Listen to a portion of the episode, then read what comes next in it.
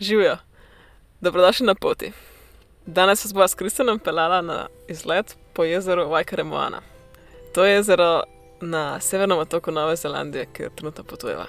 To pot sva prehodila januarja, takrat je bilo tukaj to sredi poletja in v tisti divjini, neokrni naravi okrog jezera so energije naravnost vrhunske in mogoče zaradi tega, mogoče zaradi same hoje, ampak najna izkušnja je bila naravnost čarobna. Jezero Vajkaremoana se nahaja sredi nacionalnega parka in je obdano z nedotaknjenim gozdom. Praktično tudi s pragozdom, kjer so nekatera drevesa stara tudi do tisoč let in še več. Vajkaremoana pa po maorsko pomeni ocean valovitih voda. S tem, da Moana pomeni ocean in Vaj je voda. Ja, ob tem jezeru, ki je eden od devetih Great Walkov Nove Zelandije, smo imeli res nevrjetno izkušnjo in bova se skupaj malo spominjala ob tem, ko vas peleva na 47 km dolg pohod. No, pa pojmo na pot.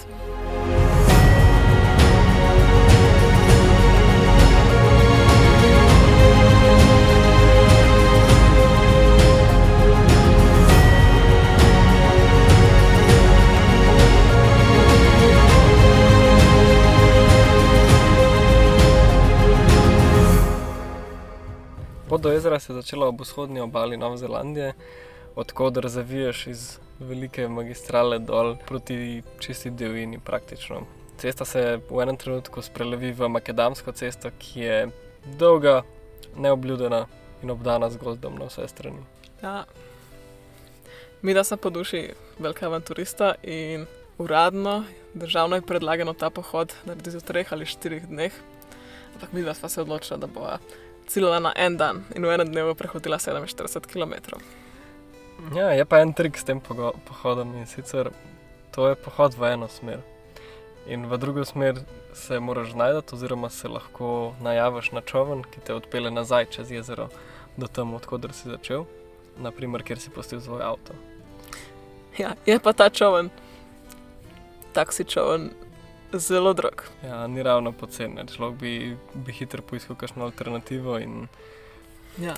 Tako nam je hitro padlo na pamet, da bi lahko nazaj kar štopala. S tem, da nazaj pa cesta traja tudi nekaj 40 km, po drugi strani jezera, makadamska cesta, kjer ni nobenega.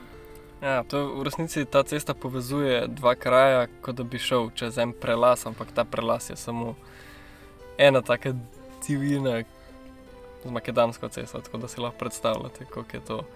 Nedotaknjeno. Nobene hiše, nikjer, ničesar, samo gost, jezero in makadamska cesta.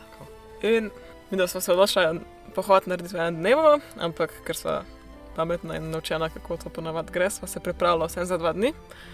Zato smo s sabo vzeli viseče mreže za vsak primer, da bomo mogla prespati nekje v gozdu in dovolj hrane za dva dni. In sva se en dan zgodaj zjutraj, šestih, podala na pot. Pot se začne najprej dokaj strmo navzgor, dvigneš se za dve šmarni gori, 600 metrov približno, tudi sam razgled je tako nekako kot ena taka malo bolj zaraščena šmarna gora.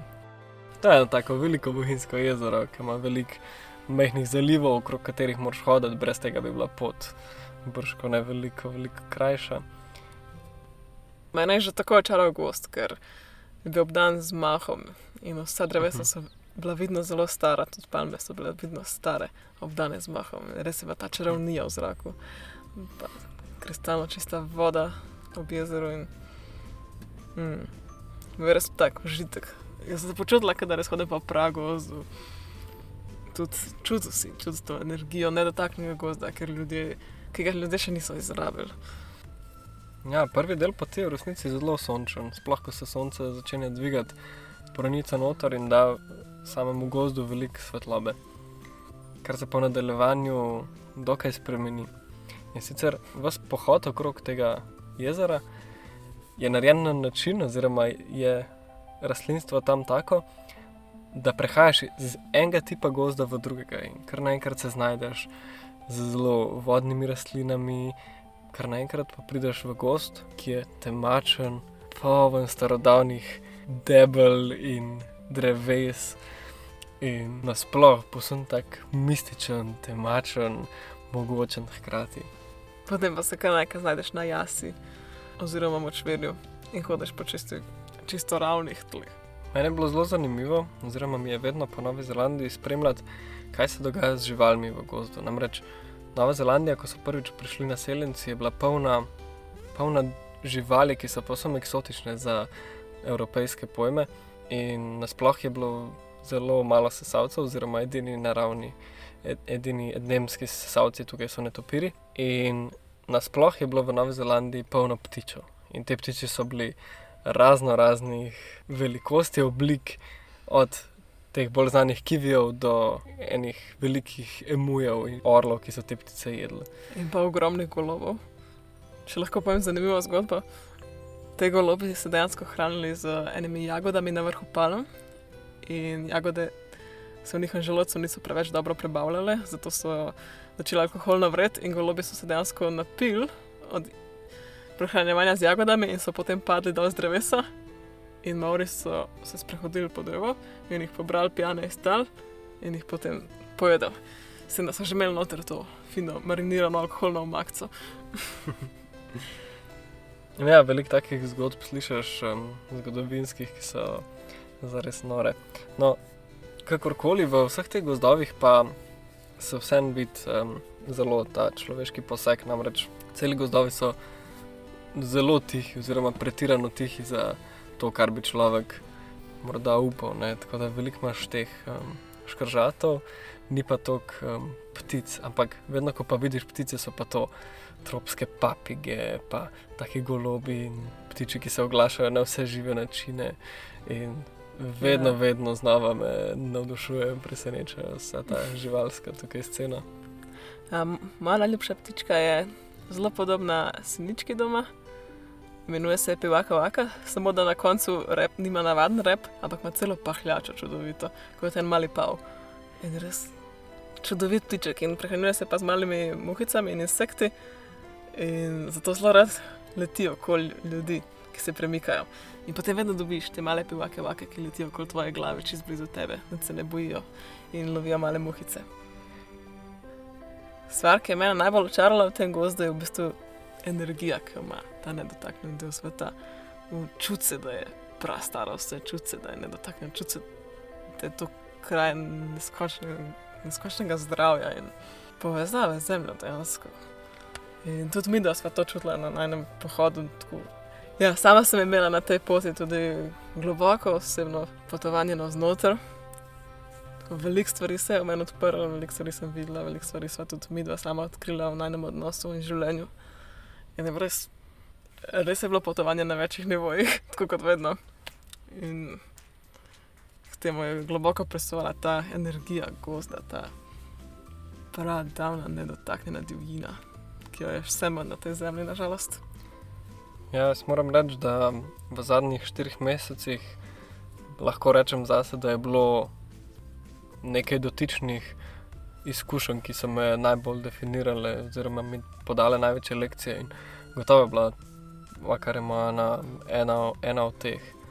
Že, že tako kot si rekla, ta energija je zares, zares prisotna, zelo je tangible, otipljiva je zelo. Mm. Po drugi strani pa tudi, ko se peleš skozi tisto divino, dejansko si v največji zaplati gozda Nove Zelandije. Obdajate gozd na stotine kilometrov v vsako smer in seveda brez signala si več dni odrezan od vsega in zares je tak mir in spokoj na vzven in na vznoter. In samo to zavedanje in ta občutek samo tebe in narave, se mi zdi, da to je tako globoka izkušnja za vse nas, ki smo v resnici del te narave, pa smo tako zelo odrezani od tega, da ko enkrat pridemo v tako okolje, naše telo samo zlije s tem in samo mm. pusti, da se zgodi, kar se mora zgoditi. Ni ničesar, kar bi stalo na poti. Ja. To jezero je res nekaj posebnega. Mi dva smo potem se kar še enkrat vrnili na to jezero. Čez dva tedna. Čez dva tedna, ker me je tako globoko navdušilo. Jaz se res spomnim. Na tem gozu sem imel takšne občutke enosti s celim svetom in prav za nevrjetne zlitje z vsemi biti, z vsemi drevesi, z vsemi živali, z vsemi ljudmi, z globokim spoštovanjem do čisto vsakega človeka, čisto vsakega bitja, ker sem res taka globoka energija, da res lahko čutiš, kako smo vsi eno. In kako smo vsi povezani v tem, kako smo se vsi prišli na to zemljo učiti, vsi z isto misijo, da rastemo, da se razvijamo, da si pomagamo in se res lahko aprišetala, cenila vsako osebo kot osebo, točno takšno kot je. Vse sem lahko cenila, ker sem videla, da smo vsi tukaj samo da učimo drug drugega in si pomagamo, tudi če to včasih ne zgleda na, na zvan kot tako. In enako za vse živali, za vsako drevo. Tako, občutek enosti v tem gozdu je res neopisljiv. Se mi zdi, da to je pa nekaj, te prastare gozdove, tudi jaz sem veliko brala že o tem prej, ampak dokler živiš enkrat za res, sploh ne moreš, raz, se mi zdi, da ne moreš razumeti, res je neopisljivo. Ja, mene pravzaprav res vedno znova navdušujejo te stari gozdovi, ker, kot si rekla, drevesa tam so stotine in tisoče let, no, pa tisoč in več let stara. In ta energija mene vedno fascinira. Že v Sloveniji, ko je nekdo rekel, da to drevo je pa 2000 let staro. Jaz vedno, razum, jaz vedno pomislim, da tukaj so pa mi rimljani hodili. in prav, se res. Ja, in enako tukaj na ta drevesa, ne, tisoč let stara, tisoč let nazaj ni bilo ljudi na Novi Zelandiji. Je bilo popolnoma divje in ta ista drevesa, ki jih zdaj lahko jaz objavim, so dejansko gostila najbolj divje oblike ptičev, ki si jih lahko zamisliš, pa orle, pa vse to, kar sem prej naštel. Dejansko to vse, ta vsa drevesa so videla, svega je svašta. Ja, ampak si predstavljaš, videla so nevihte, poplave, vetrove, videla so tako, vse ne predstavljajo in mm. še vedno tukaj stojijo. Mm. Še vedno. Ja. To je bila zelo taka velika izkušnja videti ta drevesa, ki so bila porušena. Dejansko to so ogromna drevesa. To je tako, kot včasih gledaš tiste grozne dokumentarce o sekanju amazonskega gozda.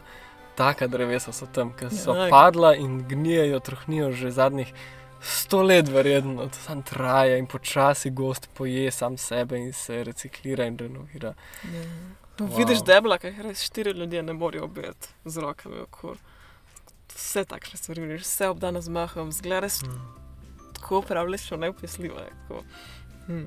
V resnici, da se nam Lord of the Rings v enem pravem gozdu.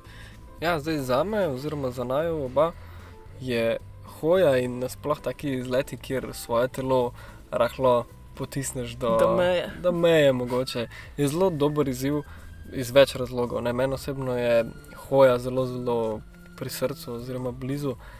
In vedno se nekaj zgodi norega. Tako, če jaz pomislim na svoje izkušnje, pa na izkušnje, ki smo jih imeli z Zemo skupaj kot najbolj neverjetne, vedno pridem na nekaj, kjer smo hodili cel dan in so bila na ja. koncu mrtva, in potem mogoče še en dan hodila in tako naprej. Ampak prav vedno je nekaj, nekaj na tem. In verjetno bova še veliko krat govorila o hoji kot taki. Ampak vzeti cel dan se odklopiti, to je eno tako ogromno darilo samo sebe. In meni je vedno všeč, ker ima na vseh takih prostorih, kjer hodiš, hodiš ponovadi na lepih krajih in v naravi. Mava vedno čas za komunikacijo s svojim telesom in svojimi mislimi, svojim trenutnim stanjem in med sabo. In vedno se lahko najne debate razvijajo, pa čisto na drugačen način, kader hodiš, se čisto drugače pogovarjaš. In se mi zdi, da ker smo res globoko lahko obdelali vse stvari, smo iz veliko tematik, ki smo se jih dotaknili, dobili ogromno ven tako lekcije, ki so jih tam ugotovila, se naučila, spoznala, so kar ostale z nami. Ja, tak, še vedno jih nosijo. Ja. ja, in na čist globok način so se naj dotaknili, ker mogoče, če bi samo ležala na plaži, pa bi bila samo tako, ok, takrat pa je nekaj, nekaj več. Nekaj se sešteje, ne? to so stvari, ki so vsaka po sebi zelo lepe, ampak pa jih sešteješ, pa neko moč doseže. Ne? Ja. Definitivno. No, jaz se strinjam s tabo. Pa ne bi rekel, da je samo hoja, prav za moje telo, kot ga jaz poznam. Jaz ljubim jaz malo čez mejo, ker vem, da moje telo to obožuje. Potem se vedno počutim tako sproščeno, tako napolnjeno, tako lahkotno, da se en tak občutek, kot da je en tak um, energijski release. Ja, in je čudovito, res. V bistvu se to, ki zoveš, ko veš na tako malo skrajno fizično aktivnost, to, ki zoveš, da na koncu se mora tvoje možgani predati in nehati govoriti. Ti samo še si, samo še hodiš, kaj kaš, ali karkoli že delaš v tem trenutku in samo obstajaš in si del sveta in je del življenja. Čudovito je, meni je to res velik užitek. In potem najbolj spim, najbolj živim naslednji dnevi, se vedno počutim nebeško. Najn plan za ta pohod je bil v enem dnevu vse prehoditi, kar bi fizično šlo, ampak potem, Je treba prijeti nazaj. ja, in v samem poteku poti smo ugotovili, da mogoče, glede na to, kakšna je ta cesta, neobljudena, da mogoče, če prideva po temi, ne bo, ne bo nobenega, ki naj bi, naj bi lahko nazaj pelil, tako da je bilo za samo najno nekako varnostno udobje boljš, da se nekje ustavimo. Ja, ker smo ugotovili, glede na najn tempo hoje, da bi prišla ob kot desetih zvečer. In če bi naj tam čakal avto, Ni noben problema. problem. Ja. Ampak so rekli, ok, potem je verjetno se noben ne pelje po tej cesti in so se zato odločila poiskati eno kočo, v kateri bo prespala. No, na tej poti je v bistvu kar veliko kočic, v katerih lahko spiš in obvezno je, da jih prej rezerviraš in plačaš, da si zagotoviš mesto. Pa tudi ponavadi.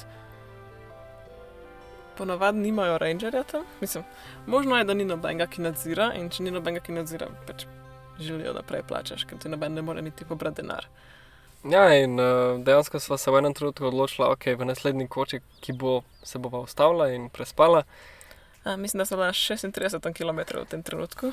tako nekako. Ja, tam smo v bistvu spoznala enega, enega gospoda, ki je bil ravno na pohodu iz vzhodnega dela uh, severnega otoka na zahodni, dobrih 400 400 km. Ja, Ja. 400-500 km, odvisno kakšno pot je, je obral. In takrat se nam je ravno zgodilo, da smo imeli obilje avokadov in smo nosila sveže nabrane z najnimi rokami pobrane avokade. Ampak to avokado je neverjetne velikosti. Jaz nisem nikoli prej ali pa kasneje videla tako velike avokade. Predstavljajte si velik avokado, pa ga pa še malo povečite. Ja, ogromen avokado in sva bila čist v, v raju in sva jih sabo nosila. In tako so tudi temu, potem gospodu dala en avokado in to je sred te divjine, on je bil čist blažen. Rekel je, da kot nekdo, ki Ki je vegan, je ta avokado za njega kot Pavlova torta. Pavlova je pa kao nacionalna jed Nove Zelandije. Samo. Samo, da ni, ampak je ruska. Ja, tukaj v Novi Zelandiji malo prim, primankuje te kulture, pa potem prevzemajo marsikaj. Ampak pustimo to. Ampak ja, sva dajala te avokade in je bila prav dobra izkušnja. Res tako sem imela lepo deliti avokade, katere bombončke, vsakmu, ki so jih srečala. In... Ja, v resnici to je res neko obdobje, ker smo te avok- avokade dala, ker sem mehanikom, vsakmu, ki nam je pomagal, vsakmu, ki smo ga srečala. Ja. Ampak tako je, živiva zadnje čase res v takem sezonskem izobilju. Ne? In potem se zgodi, da imaš pač poln avto avokadov. Ali pa oreho, ali pa jabolko, kar pač Ja. pride. Kakorkoli, ja. Um, po tej izkušnji smo rekli, ok, bova se mi dostavila in glede ga zlomka, dejansko 500 metrov naprej je bila ena koča, ki sploh ni bila napisana na zemljevidu, tako da Ja. dejansko, ko smo se odločili, da bo ostala, je bila tam koča. In v tej Kot vedno koči, popolno, ja. ja, in v tej koči je bilo še dovolj prostora, ne samo to. Ta ranger, ki je skrbel za, za to kočo, je bil full prijeten tip. ja. Zelo sproščen, noben problem ni bil, nisva rezervirala. O, najbolj krasna oseba. Ja, in ne samo to, da naj je lepo um, sprejel v hišo, potem se je kar usedel z nama in nam je začel razlagati o vseh živalskih, rastlinskih vrstah. Namreč meni osebno je tukaj kar tako čuden okrokit, zato ker so vse rastline popolnoma drugačne. Zares malo rastlin je enakih kot v Evropi. In kaj lahko ješ? Ja, samo prinešene rastline so dejansko enake kot v Evropi, nobene native rastline Ja. niso enake. In v divjini ne raste praktično nobena rastlina, ki jo odprej jaz poznam. Um, tako da je v bistvu vse, kar lahko ješ, ti mora nekdo povedati, da obstaja, kako izgleda, kako se to nabere. Ne? In on nam je prinesel knjigico, oziroma potem je šel čez knjigico in kar skakal ven vmes. O, počakajte tukaj in nam prinesel malo tega za probati, pa gledajte, kako to izgleda. Ja, ja, sva jedla ene take rdečo-zelene liste, ki so pekoče kot čili, ampak v resnici to je eno drevo. Potem, kaj naj prenesel nam je watercress. Kako ste mu reči? Nekako vodni, ima se vse eno. Watercress in tako naprej. Res je bilo, res je bilo čudovito. Tako, zelo se je zauzel na, za naju, tudi karte nam je prenesel za igrati. Mi da sta pa imela s sabo samo viseče mreže v resnici, pa sva želela zunaj spati, ampak se je skazalo, da bo po noč dežvalo, zato sva s- zaradi iz tega razloga se odločila, da bo ostala v koči. Um, in je bilo prav super, prav čudovita izkušnja. Vsi smo bili v eni veliki sobi, to je bila ena ogromna soba, po mojem, ene 40 ljudi ali pa 50, vsi smo skupaj spali. Ko po noči vsi smrčijo, pa se nekdo pogovarja. Pa tako, je bilo res bilo lepo, res je bilo prijetno. Tako, vsi smo bili skupaj na tem ogromnem pohodu, res dobro. Ja, pred spanjem smo naredila še jogo, da se malo raztegneva od teh 36 km hoje. Ja, zvečer smo še skupaj gledali posome, ki so prišli hraniti pred kočo. Pa en par gosk je bil. O ja, ki imamo glih dojenčke. Ja, in naj ranger nam je povedal, da vsako leto dojenčke od teh gosk pojejo orli. Tako da letos je velika sreča, ker so še trije živi. In so bili vsi veseli za te male dojenčke goske. Tako. Ja, potem, sva pa, potem se nam je še zgodilo nekaj, kar se nam vse čas dogaja. In sicer, A ja, se res. da ljudi, ki jih nekoč srečava, potem na najbolj random prostorih Nove Zelandije srečava. In dejansko, tako kamorkoli greva, kar naenkrat nekoga poznaš. In to je najbolj čudovit del potovanja, če me vprašaš. Ja, in tako sva srečala eno, eno punco iz Bolgarije, ki je poročena s Kivijem, Kivi so Novozelandci. In sta bila pač na dopustu. Ja, njo smo spoznala na enem festivalu dva tedna nazaj. In je bilo super, pač je čudovito na ključe, da od vseh koč, ki jih lahko zberemo, smo zbrali točno to kočo. To je vedno vesolje, tako naredi. Tako ja, pa smo imeli čudovit večer, večer. Veliko smo se pogovarjali, še karte smo imeli za igrati. Tako je, tako da je zelo, zelo prijeten večer kot tak. Ja, to je to. Potem sva se pokrila z najnimi visečimi mrežami in rahlo zmrzujoča spala celo noč. Uh, in in okoli naju, v tem gozdu so kivi bili. In si lahko ponovno slišal zvoke kivijo, ki se parijo in kličejo drug drugega. Sicer bi mogel po noči stojati in jaz z rdečo lučko jih iskati, oni ne vidijo rdeče luči, tako da če hodiš z rdečo lučko, jih dejansko lahko najdeš in vidiš. Ampak mi smo bila kar malo mrtva, pa smo prespala na enih, Tako, vse na ene možnosti. so najbolj kot eni angeli vrvalo okrog. ja. Ja, več, naslednji dan smo pa potem se podala na še preostanek poti. Ja. In na koncu smo prišla, prečkala zadnji most, prišla do parkirišča na drugi strani. In Si podala roko, bravo, midva. konc Živela sva to, ja, super je bilo. na kar ugotoviva, da nimamo pojma kam zdaj, nobenega signala, nobenega znaka, nobenega človeka.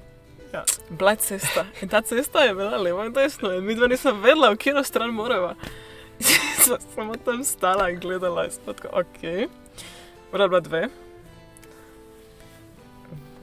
Hodila sva recimo do teme, pride do avta, to bi bilo idealno. Tako da v teoriji, v teoriji pač lahko peš prideva. In nisem vedela, kam greva. In smo se odločili, da naredila sem par korakov v eno smer, da bi lahko pogledala, kaj je za ovinkom. In v tem trenutku zaslišva avto. In se pripeljeta dva ogromna štirikolesnika, tako visoka, prava, rangerja. Ja, in jih ustava, kot da sva brodolomca. Ja, skočila smo najbolj- na sred ceste, Ja.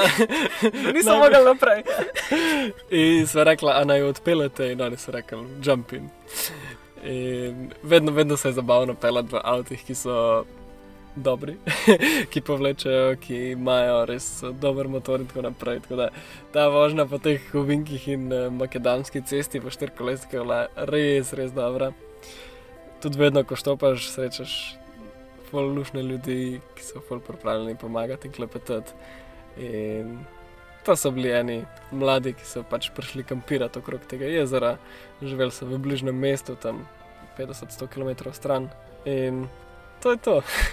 Ja, in oni so naj odpeljali do, do njihovega kampa, ki je bil v bistvu še vedno čisto na začetku najne poti nazaj do avta. Ampak vsem, vsaj pokazali so nam smer, naredili nekaj poti z nami, bilo je super. Mi smo se krasno in ja, potem smo šli ven iz avta in nadaljevala pot peš.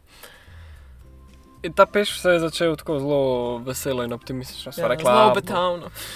vse verjetno pa pride kakšen avto. Ne? Ko se naj je ta pobral v isti sekundi, res tako Ja. ja. smo dobili možnost, da nam kdo zapelje, to res ne bo problem. No. Ampak, Vse sem vedela, da res ne bo problem. ja. Ampak izkazalo se je, da v resnici, kar rečeš, ker si misliš, da nikogar ni na cesti, no, škoda še res ni novenga. A v eni uri hoje smo videli tri avte. In že od tega je bila večina, se pravi dva v napačno smer. Ja, in pobral naj jo je en tretji avto, se mi zdi, tako da po uri in pol približno hoje, ker sva mislila, da sva že nekaj naredila. Naj jo je pobral en Maor, ki, ki dela tam in mal preverja kempe. Ja, on je ranger v tistem območju. Ja. In full zabaven tip, skozi sko se delo norca, tako tistega tipa, ko karkoli rečeš, te bo nazaj mal heco in provociral, ampak najbolj odprtega srca, najbolj prijazen. Ja, načeloma so Maori tako zelo srčne osebe, izgledajo malo tako strašno. Taki pravi bojevniki, ampak v resnici so tako dobri in živijo v takih čudovitih skupnostih, z zelo veliko skrbi, vsi skrbijo drug za drugega, vsi so zelo povezani, Z- za njih so res vrednote, ljubezen in skrb za drug za drugega. In tudi tako, ta gospod, ki naj je pobral, je imel s sabo še sina, pa še enega prijatelja in so nam veliko razlagali tudi o skupnosti in o tem, Ja. kako je pomembna za njih skrb in kako je pomembna za njih pomoč človeku. Ja, razlagali so o vrednotah, ki so zelo pomembne in ena od njih je aroha, se reče. To je ljubezen, ampak toliko več, to je ljubezen za vse in do vseh. In to je ta skupinska ljubezen celega triba oziroma Ja, komunity. Ja. Ja. In o takih stvarih, kako, kako oni srčno pristopajo k življenju. In to se mi zdi res, to je tako no, kot, um, kot zanimivo. Se, se vedno počutim, ko govorim s temi ljudmi, kot, um, kot da poslušam en intervju na maturi. Ker vedno dajo neke čudne, vedno neke zanimive naglase, ne, kle sploh najdeš res vse žive naglase in se moraš prvo res zamisliti, kaj sploh govorijo. Po drugi strani pa imajo zraven ful neke take lekcije, čist um, drugega sveta. In je tako dobro, zdaj sem tako vesel, ker v bistvu sem se tako navadil na ta jezik, da mi sploh ni problem razumeti. Tako, če rečejo Ja, v to je katerem res. koli najbolj naglašenem možnem jeziku, oziroma uh, angliškem dialektu, me, me prav mal briga. No. Ampak je prav tak, zelo, še vedno moram zelo pozorno poslušati. No. Ja, to je res. To je res ja. No, mi da sem bila, ko sem mi da hodila peš, so po najnih računicah in po najnem nesignalu na telefonu, tako nekako po zvezdah ugotovila, da sva verjetno še pol ure peš stran od nekega uh, camping spota tam. In potem, ko so na oni pobrali, smo se šli pelet. Z avtom še pol ure nismo prišli do tega camping spota, tako da smo ugotovili, da v resnici je bila kar v težavah, če naj noben ne bi pobral. Ampak ja. mi, da sem tako čisto sproščena, mi, da sem vedela, da ne bo nekdo pobral, mi, da sem vedela, da se bo vse uredilo. Tako, imela smo to popolno zaupanje v vesolje in bilo je super, ker na enem dnevu Mhm. niti za trenutek ni podvomov in ni moglo biti drugače, kot da bo vse perfekt na koncu. Mhm. Jaz spomnim, ker sem celo rekla te po enem trenutku, ne, se jaz vem, da mi da po, po, pet, po petih, petih doma. In mi dva sva prišla do avta 4:45, ker je bilo direkt med pol petih in petih. Ja, tako v bistvu celo, celo potovanje smo se vzeli tako um, malo pazljivo, tako kot smo se naučili do zdaj, ampak hkrati samo zaupali smo nič drugega. Ja. Nobene, nobene priprave, ker čim se prepraviš, potem zapiraš vrata. Ne. Sva vsa vrata pustila odprta, kar bo bo. In, Se postila ta No. tok življenja, da, da se zgodi. Ja, in prišel je, prišel je ta, ta gospod, ki naj je pobral, pelali smo se, mislim, da več kot pol ure, okrog 45 minut celo, z njim, z enim postankom. Na koncu smo mu dali en avokado in sva bila pri avtu. In to je to, to je konc najnega potovanja. Najnega izleta ob jezeru Ajkarmana. To je to, prišla sva do avta, pojedla en avokado In šla In- na pot. In šla na pot, dejansko še, na, še bolj globoko v to divino, po kateri se je res čarobno peleti. O ja, potem smo se dejansko skoraj tri ure pelala po makadamski cesti v drugo smer. Tri ure makadamske ceste. Predstavljajte si to. Brez Ampak- signala, Veš česar ko. brez prometa, sploh. Ja, sama sta bila na svetu. Ja. Oko so se sprehajali krdivi konji, pa domači konji. Pa... Pelali smo se čez dve vasici in te vasice so bile tako odročne. Tu ničesar ni bilo tam, samo tako ljudje, ki so jahali na konjih, okoli sploh niso tako dejansko živeli. Tako življenje, kot ga mi danes poznamo. Zelo prijazni, nasmejani, vsi so nama mahali. Zgleda, ker je tak konc sveta. Nekaj, kar še nikoli res nisem doživela zares. In Mm. res čudovito. No, vsaj nisem nekoč tega doživela v državi, ki jo imenujemo prvi svet.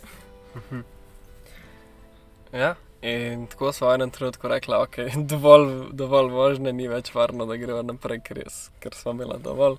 Smo se ustavili nekje v sredini in pod najlepšim nebom, najbolj temnim in posajanimi zvezdami, v največji tišini v življenju, šla spat. Uh, to je res, ja. Lahko noč.